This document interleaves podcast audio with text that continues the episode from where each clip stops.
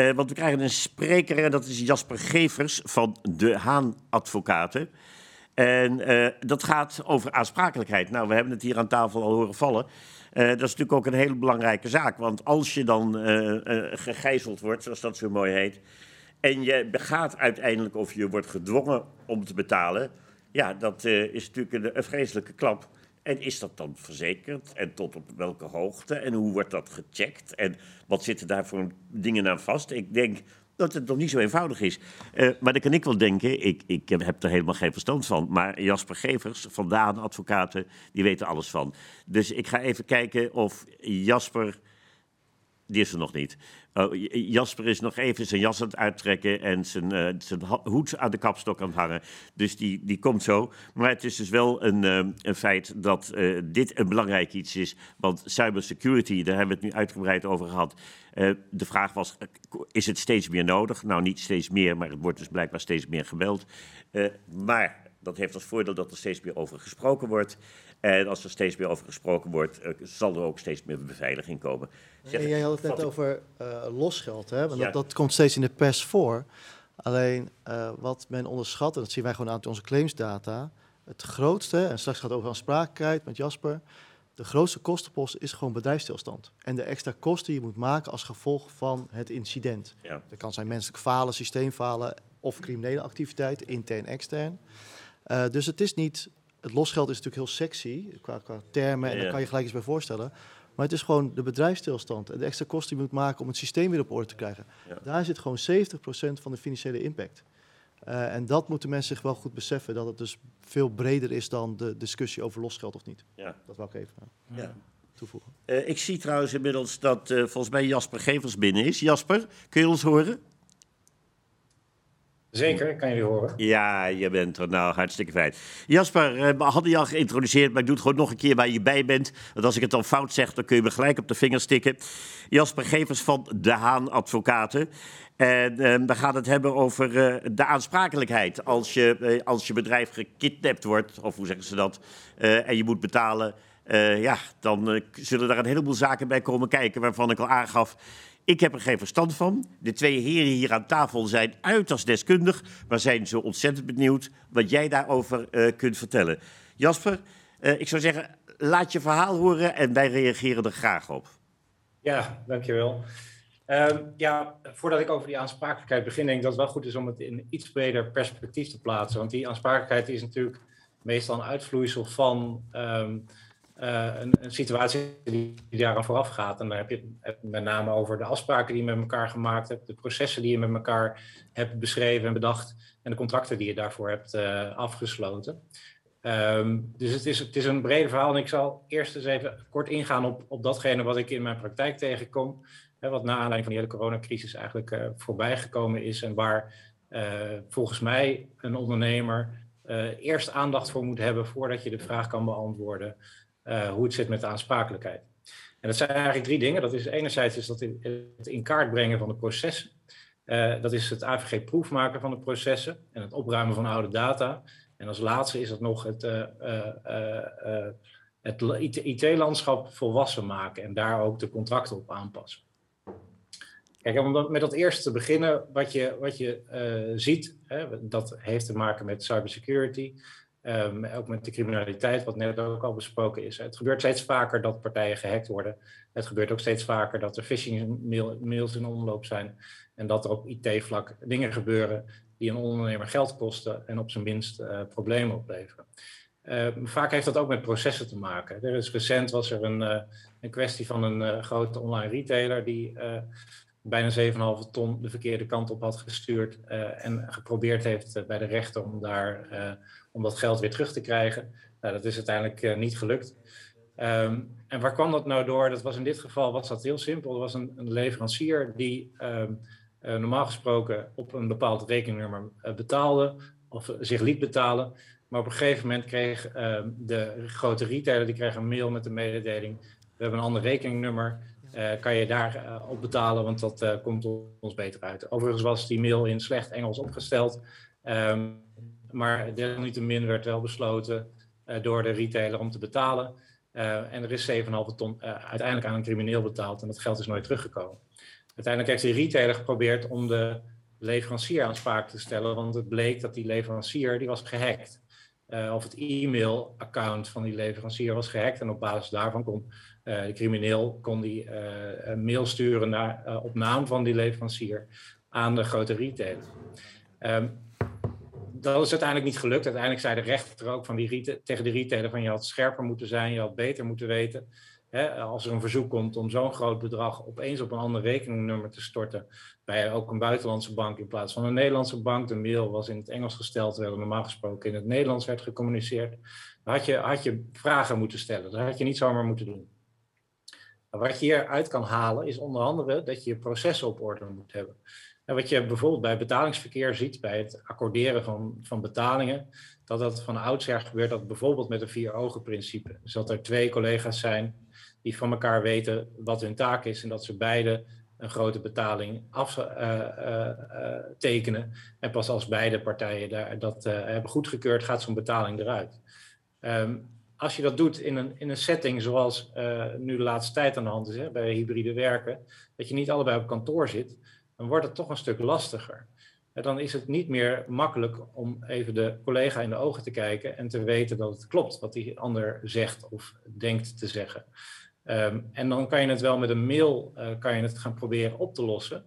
Maar dat is blijkbaar niet voldoende. In ieder geval bij die retailer was het al niet voldoende. Dus je moet dan als ondernemer gaan kijken wat voor processen heb ik, wat voor cruciale processen lopen er.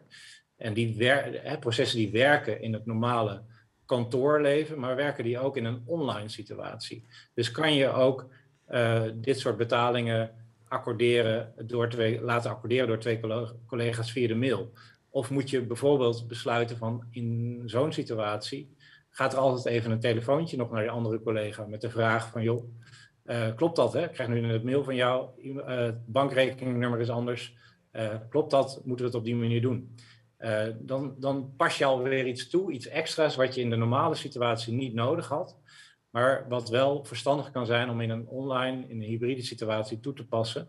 Om ervoor te zorgen dat die processen nog steeds optimaal functioneren, maar dus ook veilig zijn. Want wat je zag bij die retailer en de procedure die ook gevoerd is, wie was er nou uiteindelijk aansprakelijk voor de schade? En je zou misschien denken dat is de leverancier. Want die uh, heeft zijn account laten hacken, waardoor de retailer de betaling de verkeerde kant op heeft gestuurd. Maar uiteindelijk zei de rechter, nee, de retailer die is toch verkeerd. Die had zijn processen blijkbaar beter moeten inrichten. Die had uh, meer zekerheden moeten inbouwen om ervoor te zorgen dat dit soort fouten niet gemaakt konden worden. Dus de aansprakelijkheid ligt hier bij de retailer.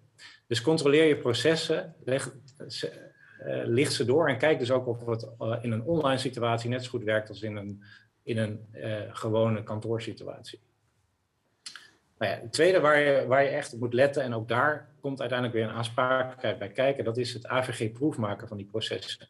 Wat je zeker in het begin van de coronacrisis zag, was dat er heel veel data werd er via uh, ongebruikelijke wegen uh, verzonden. Bijvoorbeeld even naar een privé-account, omdat er thuisgewerkt moest worden en een uh, goede thuiswerkomgeving nog niet was ingericht of even met een USB-stickje mee naar huis werd genomen of op een andere wijze werd opgeslagen hè, in een, in een Google Docs-omgeving, noem maar op. Dat mocht toen al niet. Hè. De autoriteit persoonsgegevens was eigenlijk redelijk snel nadat de, de crisis uitbrak en het thuiswerken min of meer verplicht werd was hij er als een kippen bij om in ieder geval ten aanzien van medische persoonsgegevens te zeggen van joh, wij veranderen onze regels niet. Hè? Dus je, bent nog steeds gebonden aan dezelfde regels die ook golden in een normale situatie voordat deze coronacrisis aan de hand was. En dat is eigenlijk nog steeds zo. Dus uh, uh, wellicht denken mensen dat er zeker in het begin een zekere mate van coulance was. Hè? Dat je dus nog uh, wat makkelijker met data om kon gaan, maar dat, dat, is niet zo. En als dat gevoel er al was, dan moet dat gevoel er zeker nu niet meer zijn. Het is niet meer een tijdelijke situatie, het is niet meer een crisissituatie, het is een bestendige situatie en daarmee moet je je processen ook gaan bestendigen. En ondernemers moeten ook gaan begrijpen dat die data dus ook uh, hun verantwoordelijkheid is. Zij zijn de verwerkingsverantwoordelijke als er iets fout gaat, dan kan je niet naar je werknemer kijken die thuis heeft gewerkt en via zijn uh, privé-e-mail de rest die data heeft verzameld. Jasper, mag ik heel even inbreken met een vraag uh, die uit het publiek komt, uh, die opgestuurd wordt, die heeft hiermee te maken. En vind ik wel een goede vraag, een vraag van Emmanuel. En die zegt, wanneer kan ik een medewerker persoonlijk aansprakelijk stellen? Ja. ja. Ja. dat is een hele goede vraag. Het is ook een hele open vraag natuurlijk. Ik neem aan dat dat te maken heeft met wat ik net zei. Hè? Bijvoorbeeld zo'n uh, betaling die, de, die geaccordeerd is, maar de verkeerde kant op is gegaan. Of misschien ook wel het delen van data, terwijl dat niet mag. Um, maar dat kan niet zomaar. Uh, en uh, dat was ook eigenlijk mijn inleiding voor dit, voor dit item. Ja. Voordat je het kan hebben over aansprakelijkheid, moet je een aantal andere stappen nemen. Dus als je het hebt over een, stel dat een werknemer, een medewerker van, van finance, die uh, dat nieuwe bankrekeningnummer geaccordeerd heeft, hè, kan je die dan aansprakelijk stellen? Nou, niet in deze situatie. Dat zou misschien wel het geval zijn als je uh, het proces, het betalingsproces, het goedkeuringsproces, al hebt toegepast en aangepast aan een nieuwe situatie.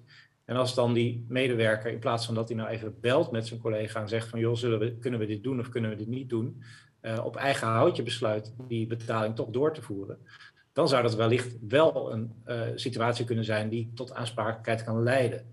Maar het betekent eerst voor, je, voor de werkgever dat hij alle processen in kaart brengt, maar ook goed beschrijft en ook zorgt dat de medewerkers die processen kennen en er ook op, op gewezen worden, um, uh, dat die processen nageleefd moeten worden. En dat is ook eigenlijk wel wat Sjaak net al in een eerder ja. uh, deel zei. Je moet die werknemer er ook in meenemen wat het belang is van dat soort processen. Ja, en, waarom, dat het plan doen we dat? ligt. Ja. Ja, maar als je dat doet, dan pas kan je. Kijk, als je het niet beschrijft, dan kan ik je nu al aangeven, dan zal die aansprakelijkheid ook op niets uitlopen. Want dan kan je zo'n medewerker niet kwalijk nemen dat hij een niet beschreven proces niet heeft gevolgd. Uh, maar als, dat, als je dat wel heel uitvoerig gedaan hebt, ja. En juist op, op zo'n cruciaal onderdeel ook een, een fout constateert, zou dat wel kunnen ja. gebeuren. Ja. Nou, dat is een heel duidelijk antwoord. En uh, het sluit ook helemaal aan bij wat uh, Sjaak heeft gezegd. Zorg, uh, of Sjaak of, of Jelle, daar ben ik even kwijt, bij een van jullie twee. Zorg dat je een heel goed plan hebt klaar liggen. En niet alleen klaar liggen, maar neem het door, eens in de zoveel tijd. En beslis wie wat wel kan en moet en mag. En wanneer, uh, ja, en wie uh, beslissingsbevoegdheid bevoegd is in dit soort situaties. Nou, en wat, wat Jasper heel terecht ook aangeeft, en dat gaf Jelle denk ik ook al iets andere woorden aan, want ik zie dat ook namelijk, dat die processen beschreven, als ze al beschreven zijn, hè, dat is, dat is punt één, ja. Eh, maar beschreven, als wij dat doornemen, is het soms wel twee, drie jaar oud. Ja. Uh, dus dat kan zijn dat je nieuwe bedrijfsactiviteiten hebt, dat je inderdaad uh, thuiswerkt of hybride vorm hebt, hoe ga je daar mee om? Ja. of mensen zijn veranderd inmiddels, die, uh, die ook niet op de hoogte zijn. Heel goed punt. Soms zien wij ook mensen benoemd in plaats van functies, wat ook heel apart is. Hè? Dus er worden mensen bij naam genoemd in plaats van bij de functie. Uh, als de functies benoemd worden. Zijn, bestaan die functies überhaupt nog? Dat heb je ook nog wel eens. Ja, maar dan is die, dus- die persoon dan niet op de hoogte als het al, als het al twee of drie jaar oud is. Ja, precies. Dus je moet echt wel dat, dat uh, en dat hoort natuurlijk ook wat jij zei met dat testen, dan worden die processen ook getest. Zijn die nog up-to-date? Ja. Uh, gezien het bedrijfsprofiel, gezien de functies, maar ook gezien de werkelijkheid als er zo'n incident is. Ja, ja, want dat is dan belangrijk natuurlijk, want anders dan is dat geval aansprakelijkheid natuurlijk uh, ja, dat is een hele moeilijke zaak. Daarom vond ik dit best wel een goede vraag van Emmanuel. Nogmaals bedankt. En andere mensen die thuis zitten met dit soort vragen gewoon stellen. En we gaan weer terug naar Jasper. Want Jasper, ik had je, was, had je onderbroken. Sorry daarvoor. Maar dat, dat moest even gebeuren, want die vraag die sloeg zo op hetgeen jij net aan het vertellen was. Maar ik, ik uh, laat je nu weer verder gaan op het punt waar je gebleven bent. Ja, heel goed, uh, dankjewel. Geen probleem. Als er weer een onderbreking of als er weer een goede vraag binnenkomt, dan gaan we daar meteen op in wat mij betreft. Dus dat is helemaal goed. Uh, ja, ik was, ik was bezig met die AVG-kwestie, uh, dus het delen ja. van data. Uh, wat ik aangaf is dat, dat er geen sprake is van coulance, ook niet bij de autoriteit persoonsgegevens. En werkge werkgevers moeten zich echt goed beseffen dat zij de verwerkingsverantwoordelijke zijn. Dus alles wat er met de data gebeurt die zij verzamelen, daar zijn zij ook voor verantwoordelijk en dus ook aansprakelijk. Uh, en als je dus uh, werknemers hebt die in een andere omgeving, in, in, in, een hybride situatie werken, dan moet je er ook voor zorgen dat je processen daarop ingericht zijn. Uh, en dat betekent dus ook qua datadeling en de beveiliging daarvan. Hoe je dat precies moet, moet doen. Dat moet je echt goed gaan inrichten en daar moet je, daar moet je goed over nadenken. Maar wat er ook bij komt, en, en, en dat heb ik nu al een aantal keer bij klanten gezien, maar dat, daar wordt nog onvoldoende over nagedacht, is dat er in het begin van de coronacrisis is er gewoon heel veel data gedeeld op manieren die formeel gewoon niet door de beugel kunnen. Hè? Wat ik net al zei, bijvoorbeeld met een privé mailadres. Uh, maar het is ook je taak als werkgever om daar nu nog eens even goed naar te kijken. Uh, het is echt belangrijk om nog een, een opschoonactie op, op poten te zetten. En eens te kijken bij bij je personeel van hoe is dat gegaan. Hè? Misschien moet je ze ook gewoon een, een, een, korte checklist meegeven met wat tips. Van joh, het kan zijn dat je in, in de afgelopen periode via andere wegen, bijvoorbeeld via je mail, privé-mailadres of, uh, of via een Dropbox of wat dan ook, data van het werk hebt, hebt gedeeld en hebt verzameld. Nou ja, dat is op zich, hè, dat is niet de manier waarop we het in ieder geval nu moeten gaan doen. Maar als het al gebeurd is, zorg ervoor dat die data nog verwijderd wordt. Hè? Want die data is niet opeens weg. Dus die zit nog in dat privé mailaccount en die zit nog in een Dropbox of die zit nou waar je hem dan ook hebt opgeslagen. En dat blijft ook een risico vormen voor de werkgever als daar weer iets mee gebeurt.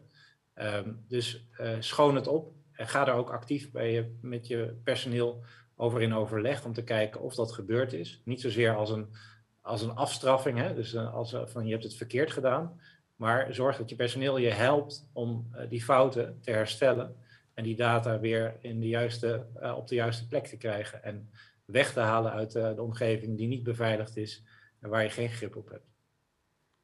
Nou, en als laatste, wat heel belangrijk is en wat ik ook gezien heb, is dat uh, je je IT-landschap volwassen moet maken. Ook dat zag je weer helemaal aan het begin. Hè? vooral bedrijven die online en hybride nog niet goed waren ingericht die hebben overal IT-oplossingen vandaan gehaald. De ene werkt beter dan de andere. En dat gaat niet alleen over, over videobellen en over het delen van data, maar er zijn veel meer uh, IT-oplossingen die her en der uh, gevonden zijn, geïmplementeerd zijn. Ehm, en misschien nu in, in, in zekere mate of misschien wel goed functioneren. Maar het is wel heel erg belangrijk dat je gaat kijken van hoe ziet mijn landschap er eigenlijk nu uit? Is het een soort patchwork landschap wat op dit moment functioneert, maar wat ook nou ja, in elkaar kan storten als, het, eh, als er iets eh, tussen zit wat, wat out, of the, out of time loopt of wat, wat minder gaat functioneren. Um, en is het op een manier ingericht waar, waar, ik ook mee verder kan in de toekomst? Voldoet het ook aan de eisen die er nu zijn? Het is niet meer een tijdelijke situatie, maar het is een blijvende situatie. Dus daar moet je ook een bestendige oplossing voor vinden. Um, en wat daarbij ook heel belangrijk is, en dan kom je ook toch weer terug op het aansprakelijkheidsverhaal, dat is dat je goed gaat kijken van wat voor afspraken heb ik met al die verschillende partijen nu gemaakt. Als het gaat over uh, beschikbaarheid, uh, uh, schaalbaarheid, functionaliteit, um, kan ik daarop rekenen? ook heb ik voldoende support op het moment dat ik het nodig heb. Um, en daarbij zie je heel vaak dat partijen nou ja, de standaard overeenkomsten van leveranciers aftekenen. Uh, soms nog wel met de, met de, met de partijen zelf uh, denken afspraken gemaakt te hebben. maar dat soort afspraken staan heel vaak niet in die overeenkomst. En dat is echt een groot risico. En daar, het klinkt een beetje cru, maar als het niet in de overeenkomst staat, is het niet afgesproken. En dat druist natuurlijk helemaal in tegen het, tegen het gevoel van uh, eerlijkheid uh, en elkaar recht in de ogen kunnen kijken. Ja. Maar ik heb zoveel procedures waarbij je voor de rechter staat. En dan telt er maar één ding uiteindelijk. En dat is wat staat er in de diverse contracten, wat staat er in de correspondentie. En alles wat onderling besproken is, waarvan de ene zegt, ja, zo hebben we het afgesproken. En de ander zegt, nee, dat is helemaal niet waar. Dan kom je er niet mee. Ja, want dan is het één tegen één en dan, dan wordt het gewoon niet aangenomen door de rechter. Dus als je afspraken maakt met een IT-leverancier, zorg dan ook dat die afspraken gewoon in de overeenkomst staan. En overeenkomsten maken is een vak, dus laat je daar ook bij staan en, uh, uh, en zorg dat het er gewoon goed in staat. Want je hebt, als alles goed gaat, heb je het niet nodig. Maar als het fout gaat, heb je het des te harder nodig. En dan kom je dus echt op punten van aansprakelijkheid uit. Als je goed hebt vastgelegd wat de leverancier behoort te doen en hoe, uh, hoe de beschikbaarheid in elkaar steekt en het gaat mis, dan kan je erop terugvallen en dan kan je ook zorgen dat je bedrijf door kan draaien en dat de, de risico's beperkt zijn en dat de schade ook vergoed wordt.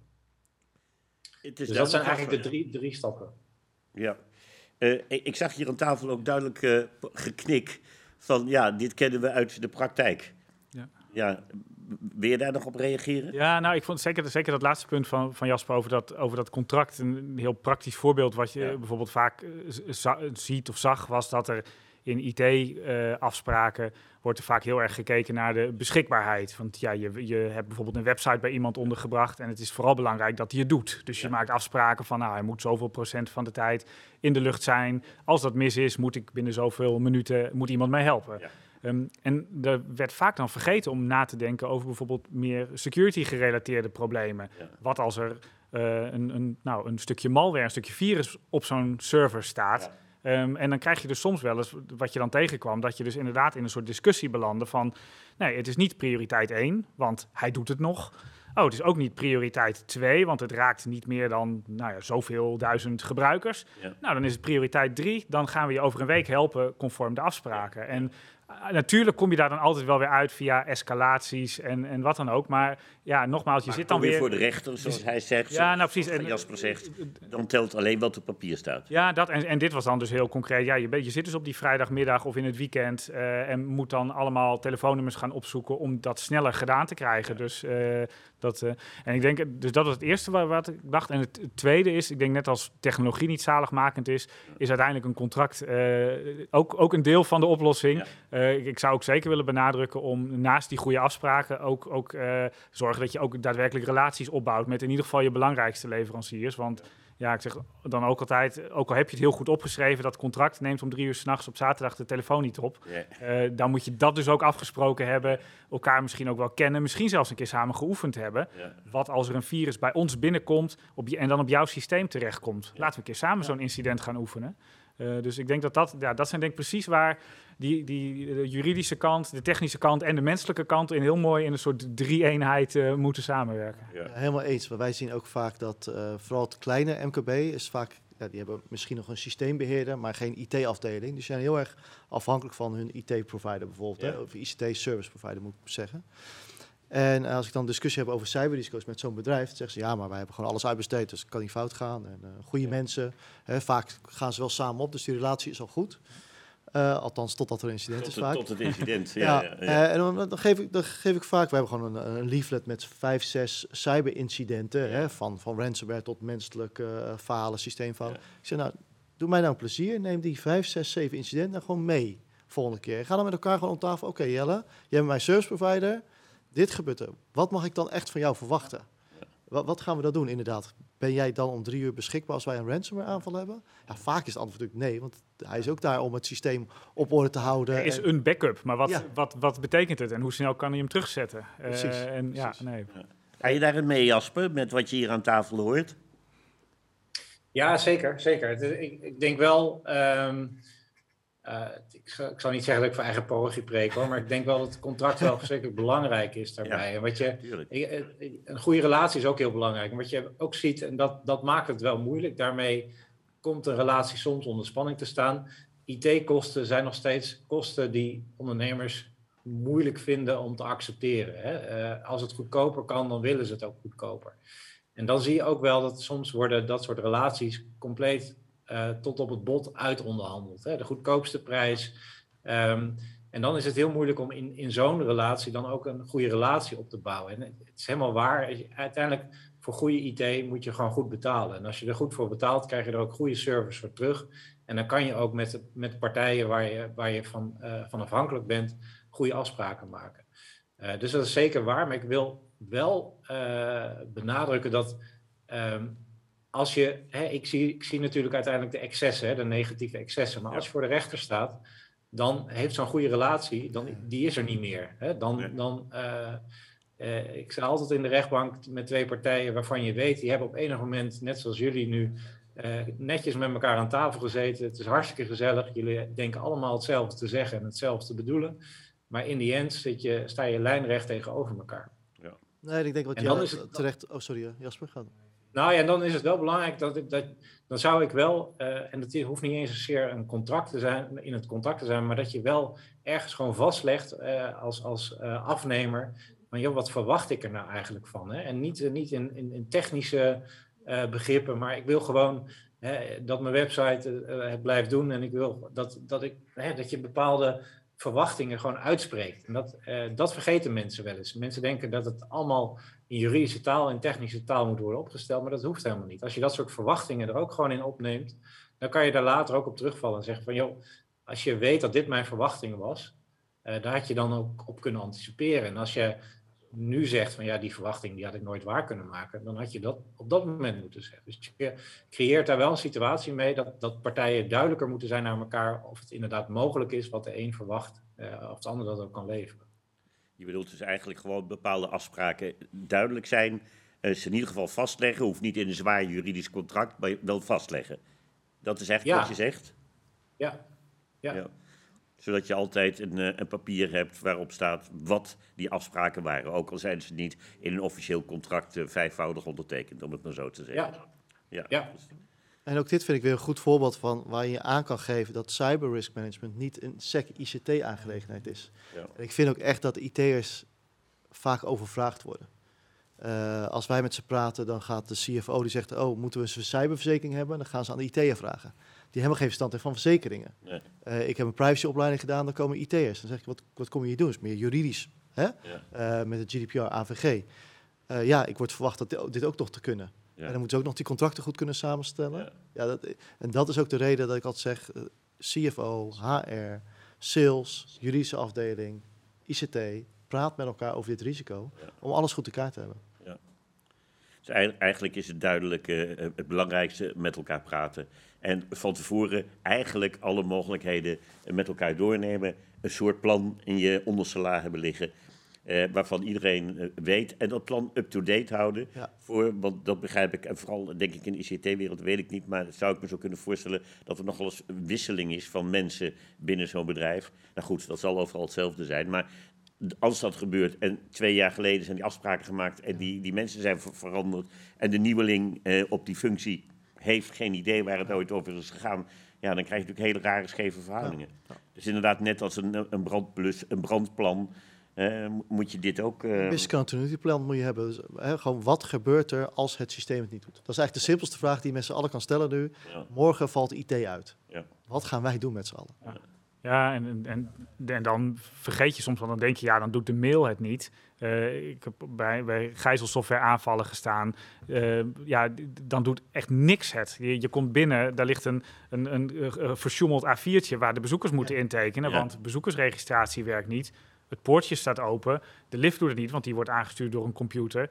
Je komt boven in een ruimte waar stapels met laptops staan met een post-it van uh, erop IT niet aanzetten. Um, ja, als je iemand zegt, ja, maar ik wil even iets printen, hoe dan? Uh, ja. maar we moeten die en die bellen. Ja, waar hebben we zijn nummer? Uh, Er zijn tal van incidenten die, die worden gemanaged vanuit ad hoc opgezette WhatsApp-groepjes op privételefoons. Dus ja. de, de impact van dat soort situaties... Uh, wordt onderschat. Ja, wordt, wordt, wordt heel erg onderschat. Wordt groots onderschat.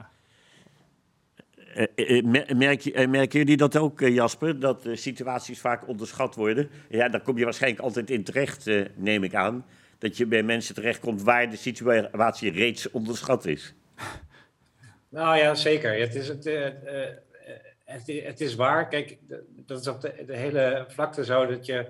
IT is nog wel een ondergeschoven kindje. Hè? En als je het ook hebt over, over uh, IT-beleid, beveiligingsbeleid, dan, dan wordt dat inderdaad heel vaak onderin neergelegd hè, bij, de, bij de IT'er. En, maar goed, dat is wat mij betreft uh, ik wil IT'ers niet, niet, te, niets, uh, niets tekort doen hoor, maar dat is wel de, denk ik de slechtste plek om het daarbij neer te leggen. Want die, die kunnen heel veel, maar het is niet de IT'er die gaat bepalen uh, hoe jij je beveiliging op orde gaat brengen en wat er wel mag en niet mag. Want als een IT'er zegt, ja, ik wil dat dit moet gebeuren, dan, dan maakt hij dat voor elkaar. Maar het is aan de bestuurder om te bepalen of dat gedrag is wat ook uiteindelijk toelaatbaar is en wat ook in lijn is met het beleid van van het bedrijf zelf. Want een bestuurder die, die vergeet, wat mij betreft, nog te vaak dat IT zodanig belangrijk is en dus ook IT-veiligheid, dat het ook kan betekenen als je daarin faalt als bestuurder, dat je ook als bestuurder aansprakelijk kan zijn. Ja. En, en uh, ik denk dat die stap, die wordt onderschat. Ik denk ook dat, dat die, die, bij, daarvoor de IT'ers en de beveiligingsafdelingen ook echt een enorme kans ligt om ja, veel um, ja, makkelijker, uh, ja, fijnere oplossingen misschien wel te verzinnen. Uh, ik denk dat we ja, nog te vaak blijven hangen in dingen die eigenlijk al twintig jaar niet werken. Maar omdat iedereen ze al twintig jaar zegt, ja. worden ze maar gewoon voorgeschreven. Ehm, Mensen houden niet van veranderingen. Nee, en, nou ja, maar bijvoorbeeld een, een concreet voorbeeld. Uh, ik heb een keer een project bij een bank gedaan die op een gegeven moment merkte, ze hadden een soort aanvraagproces voor een, voor een nieuwe hypotheek. En nou, je moest wat gegevens invullen. Uh, en op een gegeven moment kwam dan de stap dat je uh, moest, moest inloggen om bekend te maken wie je was, uh, om het te voltooien. En um, dat ging eerst in eerste instantie nog met, uh, ja, moest, moest je inloggen en had je ook zo'n pas en zo'n zo'n apparaatje nodig ja. om hem in te stoppen. Oh, ja, ja, ja, ja. Dus wat zij zagen, daar gingen, nou, laten we zeggen, 100 mensen die, die, dat, die starten dat proces. En er waren er maar twintig die het afmaakten, want iedereen haakte af bij die stap. Want ze ja. deden het op hun werk, hadden dat ding niet bij zich of vonden dat omslachtig. Ja. En, ze hebben uiteindelijk ervoor gekozen om dat nou, op een makkelijke manier met de app uh, mogelijk te maken. En nou, ineens gingen er 100 mensen in, maakten 80 mensen die aanvraag af. Ja, dat is aan de ene kant een technisch security dingetje, maar dit is precies waar je het over hebt als je zegt, ja, security moet een business enabler zijn. Ja, hier kun je precies, hier kun je gewoon echt laten zien, we hebben een heel klein dingetje veranderd in inloggen. Saaier wordt het bijna niet, uh, maar ineens, uh, ja, is het, nou, je zou, als er ineens in plaats van 20 mensen in je winkel 80 in je winkel ja, staan, ja, dan, zou je, uh, dan zou je staan te juichen. En, en dit soort dingen moet, moeten security en IT-teams, denk ik, beter ja, misschien wel proberen te spotten, misschien ook wel beter verkopen. En ja, ook misschien wel meer proberen. Om misschien eens een keer een, een soort prototype. ga maar eens kijken of het werkt. En als het niet werkt, nou dan ga je iets nieuws proberen. Als het wel werkt, ja, schreeuw het van de daken en laat het aan al die af andere afdelingen weten hoe jij geld bespaard hebt, meer omzet genereert, uh, of in ieder geval het bedrijf of de ja. organisatie ja, wat, je, wat je veel ziet bij de IT'ers, dat is heel goed voorbeeld. Wij zeggen ook, hè, wij, wij als risk manager of, of, of consultant, wij zijn de, de remschijf op een, op een Porsche of een Ferrari. Hè? Ja. Dus je, die kan heel snel, omdat je een goede rem hebt. Ja. Hè, want dat is je, je safe. Uh, shifting sure to the left, zeggen ze ook wel eens. Dus als je begint met iets innoveren, betrekt dan gelijk security er ook bij om gelijk aan het begin te kijken, oké, hoe kunnen we dit op een goede mogelijke manier doen? Ja. In plaats van eerst maanden of jaren soms iets proberen te innoveren en erachter gekomen, oh, maar is niet veilig. En dan ja. moeten we helemaal terug. Ja, dat doet aan het begin. Maar wat ik merk, en wij gaan uh, toevallig in januari... Je voor gelijk opgaan gelijk opgaan. Maar wat ik merk bij IT'ers, dat ze heel moeilijk vinden om op dat dashboard, dat MT-taal uh, ja. te, te, leren. En wij gaan ook een opleiding doen voor IT'ers nu, om ze juist de taal van Jasper te leren, wat juridische aspecten, ja. de taal van verzekeringsconsultants, hè, dat je dat begrijpt, en de taal van het MT. Hè, dat, en daardoor ook een weerbaarheidsplan uitkomt. Ja. En wat ik heel vaak zie, is dat wij binnenkomen, en dan praat ik een half uur met de MT, en dan zeggen ze, oké, okay, dan gaan we het zo doen. En dan zie je die IT'er... Huh? Kan het nou? Ik zeg dit, ik vraag dit al vijf jaar. Ja. zeg, ja, sorry, wij zijn gewoon de, de dwingende ogen, hè, de vreemde ogen die dwingen. De, de vreemde ogen die dwingen. Ja, ja. en, en uh, omdat wij het zeggen als consultant, dan nemen ze het wel aan. Ja, dat, dat, is, dat is heel ja, deprimerend soms, omdat je weet dat bedrijf al dus vijf jaar geleden hè, had deze stappen ook al kunnen maken. Uh, met alle gevolgen van dien, als er in die vijf jaar wat gebeurd was. Dus op die manier willen wij ook IT daar wat, wat meer in, in wijs brengen. Want ik merk dat ze daar echt, ja, wat ik net zei, dat ze overvraagd worden op dat gebied ook. Ja. Uh, Jasper, ben je het eens met wat ze hier aan tafel uh, te werden brengen? Ja, zeker. zeker. Ik denk, kijk, uh, wat net gezegd werd van gelijk optrekken, dat is ook wat de AVG bijvoorbeeld ook heeft bepaald, hè, privacy ja. by design. Dus je moet als jij, als je met een nieuwe IT-oplossing gaat werken, moet je ook meteen op dat moment al, als je aan het bouwen bent, gaan nadenken van hoe ga ik de AVG daarin verwerken, dus het, de privacy voorwaarden daar goed in verwerken. Uh, dus, dus gelijk optrekken is verschrikkelijk belangrijk. Anders word je een, nou ja, dan word je de showstopper van, van een proces natuurlijk. Hè? Als het allemaal heel mooi lijkt en uh, uiteindelijk zegt de uh, afdeling legal of de afdeling security van ja, maar dat kan eigenlijk helemaal niet. Ja, ja dat, is, dat is doodzonde. Dat is voor niemand motiveert dan. Ja. Um, dus, dus daar ben ik het zeker mee eens. Maar ik ben het ook wel, Jelle zei net, je had het net over dat inlog voorbeeld. Hè? Ja. Maar, en, en Jelle zei van, nou, dat is, IT'ers kunnen, of de IT-afdeling kan daar echt veel in betekenen. Daar ben ik het helemaal mee eens. Maar daar hoort ook altijd wel, vind ik, een bestuurs, bestuurlijke stap bij. Van vinden wij het oké okay dat uh, bijvoorbeeld die klanten uh, niet met die random reader, want dat is het dan denk ik, Jelle, of met, met, dat, met een pasje en een inlogkastje yeah. inloggen. Maar dat ze dat op een laagdrempeligere manier doen, is dat voor ons veilig genoeg. En vinden wij dat oké om te doen. die IT'er die kan dat zeker faciliteren, maar het is ook een beleidsmatige keuze of dat goed genoeg is en veilig genoeg is voor de organisatie om daarmee akkoord te gaan. Ik heb nog een vraag binnen van Berend. Leuk Berend. En die zegt, moet er tussen managementlaag, tussen IT en de... Wat staat er? Moet er een tussenmanagementlaag komen tussen IT en de directie? Dat is eigenlijk de vraag. Moet er een tussenmanagementlaag, een tussenmanagementlaag tussen IT en de directie komen? Ja, ligt aan hoe, hoe, hoe groot de organisatie is, denk ik sowieso. Hè? Want je hebt, sommigen hebben een CISO, uh, maar de meeste MKB-bedrijven hebben dat niet. Uh, vaak zie je dat de IT-afdeling aan de CFO uh, gelinkt is, in, in, mijn praktijk in ieder geval. Ja, ik, ik, mijn eerste reflex zou zijn, je, ik denk dat er bijna geen, nou, het is misschien wat sterker gezegd, maar bijna geen organisatie is waar je het je kan, uh, waar je niet kan veroorloven dat er niet IT-kennis in de directie al zit. Ja. Ik denk dat dit een, een ja, wellicht een noodloos een, complicerende... Complicerend iets is. Nou ja, ja precies. Kijk, ja, je zegt het nu, maar ik kom weinig directies tegen waar echt... Nee, nee, precies. Maar, dus, maar het, is niet de oplossing van het probleem. Dat, nee, nou ja, dat, ik, ik zou, ja dat, dat zou mijn gevoel zijn hoor. Dat, dat je zou zeggen van, er moet toch, dat moet je denk ik toch echt op directieniveau beleggen. En ja, misschien, misschien niet elk bedrijf, dat is misschien iets te sterk uitgedrukt, maar ja, ik, ik, denk dat er zoveel organisaties op dit moment zo afhankelijk zijn van IT. Ehm. Ja, precies. En ik denk dat Jasper dat anders, anders verkeerd zegt, Jasper, dan uh, onderbreek je me maar. Maar ik denk natuurlijk, die bestuurs- en spraakheid, ja, die, die, die vervalt daar niet door, hè, door zo'n managementlaag. Dus je moet juist als directie op de hoogte zijn van, nou precies wat Jasper Ja, maar daar ligt uiteindelijk die security maatregelen, ja. ja. Als daar de verantwoording ligt, uiteindelijk, want die komt daar natuurlijk, ja, dan moet, de, moet het dus in de directie zitten. Daar moet de, de zekerheid zijn. En die moeten de, zijn uiteindelijk verantwoordelijk voor de stappen. En dan kun je nog wel proberen via een omweg de, die, de verantwoordelijkheid te verschuiven. dat zal best wel eens gebeuren. Maar uiteindelijk denk ik, ja, moet je toch bij de directie zijn, bij de managementlaag. Of uh, zeg ik dat verkeerd, eh, Jasper? Nee, je zegt het helemaal goed hoor. En ik denk ook, ik zou er ook niet een managementlaag tussen zetten. Misschien dat je er eerder een tolk tussen kan zetten. Ja, uh, dat wel. Uh, dat, dat is eigenlijk wel het probleem is. Ja. Je, ik zie dat ook wel vaak als je, dus, uh, als, als ik gevraagd word om, om, om op privacy en IT-niveau mee te denken met een ondernemer, dan vraag ik ook eerst, ik wil ook met alle partijen aan tafel, maar dan merk je dus ook dat als je eerst met, de, met, de, met het bestuur aan tafel zit en dan stel je een vraag of bepaalde dingen gebeuren, dan, is, hè, dan wordt er vaak gezegd, nee, nee, dat doen we niet, nee, dat is niet aan de orde. En dan zit je met IT aan tafel of met een andere afdeling en die zegt, ja, dat doen we best vaak, want dat is veel, veel makkelijker. En, uh, en dan denk je van, ja, jongens, we moeten, volgens mij moeten jullie gewoon eens een keer met elkaar gaan praten. Ja.